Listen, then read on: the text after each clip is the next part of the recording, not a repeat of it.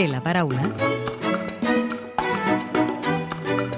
Hola, sóc Assumpta Escarp, diputada del grup parlamentari socialista Units per Avançar i ara vicepresidenta segona de la mesa del Parlament de Catalunya.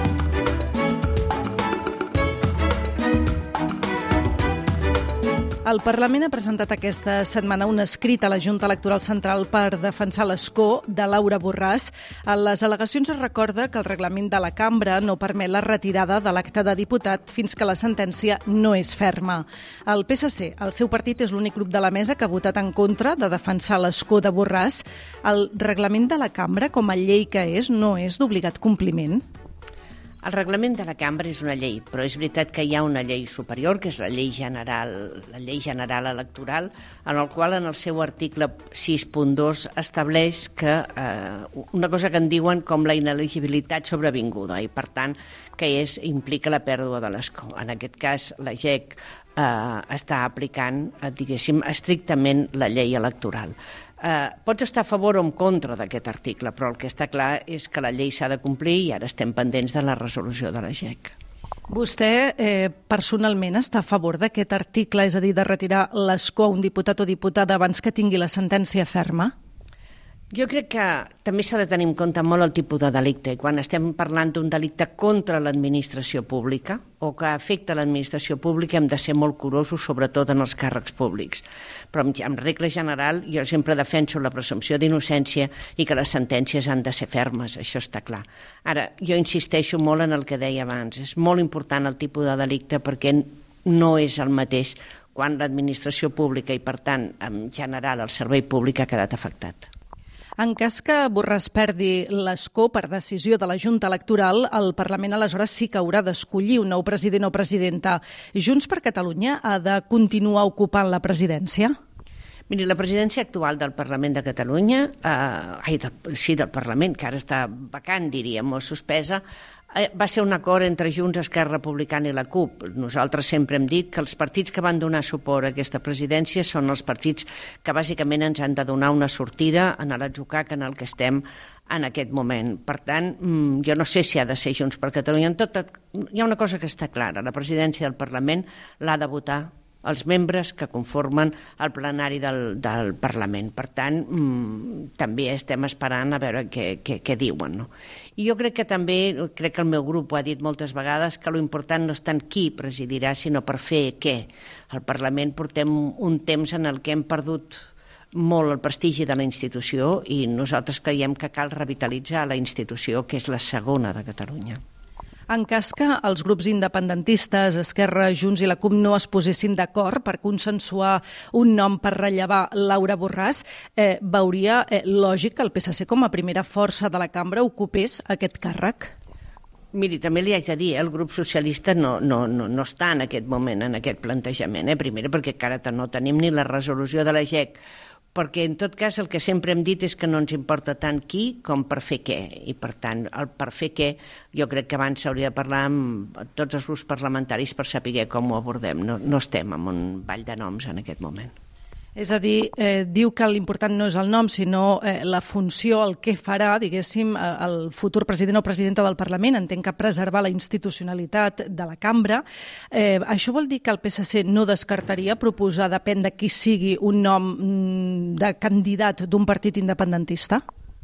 Bueno, és que nosaltres podem proposar o no proposar. En tot cas, jo insisteixo que és el Parlament qui ho ha, qui ho ha de votar. No?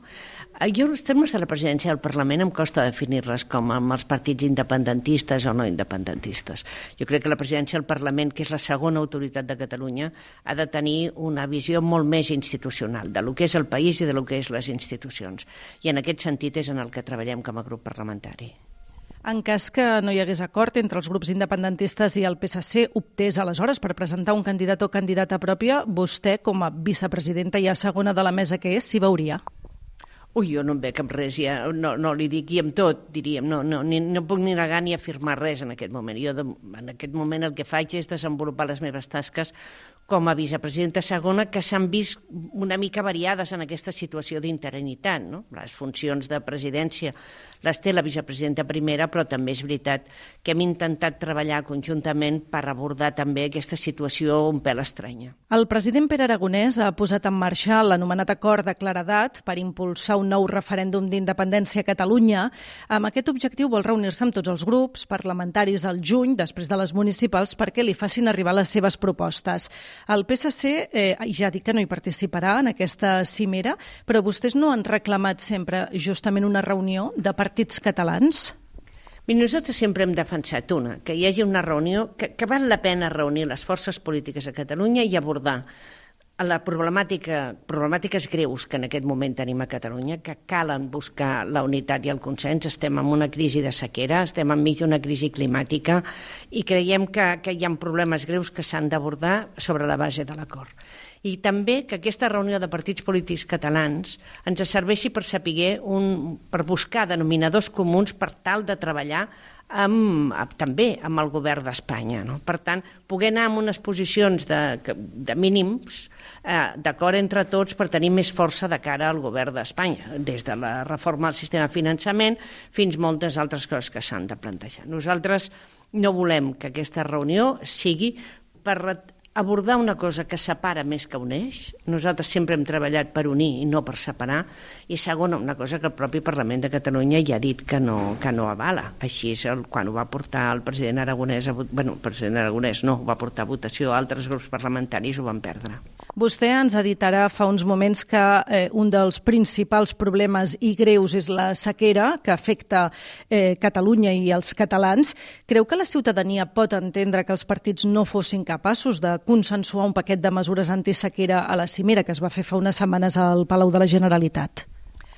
A vegades és difícil explicar les diferents posicions, però jo crec que és una obligació de totes les forces polítiques poder-ho fer. No?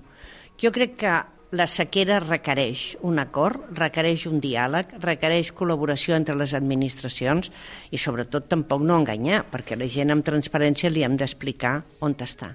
El que no pot fer un govern és intentar imposar un criteri contra, contra la resta. No? I després és que també jo crec que és un govern que no només està en minoria, sinó que és molt ineficient en les mesures que pren.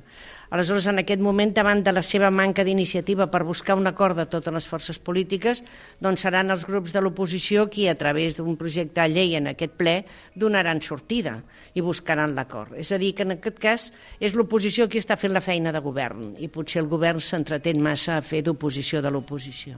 Si li sembla bé, ens endinsem ara ja en el terreny més personal i ara sí que li demano si pot contestar amb respostes tan breus com sigui possible. Quina injustícia social l'enerva més? Les desigualtats. Amb quin diputat o diputada que no sigui del seu grup compartiria una sobretaula distesa? Amb Malva Vergés. Quin és el seu paisatge favorit? Muntanya. Si deixés la política institucional, a què es dedicaria? Hores d'ara jubilar-me ja. Els diputats cobren molt, poc o just el que han de cobrar? Els diputats han de cobrar lo suficient per fer bé la seva feina i, sobretot, poder-la fer amb transparència i molta publicitat. Té algun viatge pendent de fer? Sí, a l'Antàrtida. I ja per acabar, completi la frase següent. El que més m'agradaria del món és ser feliç i poder ajudar a ser, a ser feliç a molta més gent. Assumpta Escar, vicepresidenta segona del Parlament i diputada del grup Socialistes i Units per Avançar, gràcies per atendre'ns a l'hemicicle de Catalunya Informació. Moltes gràcies a vosaltres. Podeu tornar a escoltar l'hemicicle al web catradio.cat barra hemicicle o al podcast del programa i seguir l'actualitat del Parlament al perfil de Twitter arroba L-hemicicle.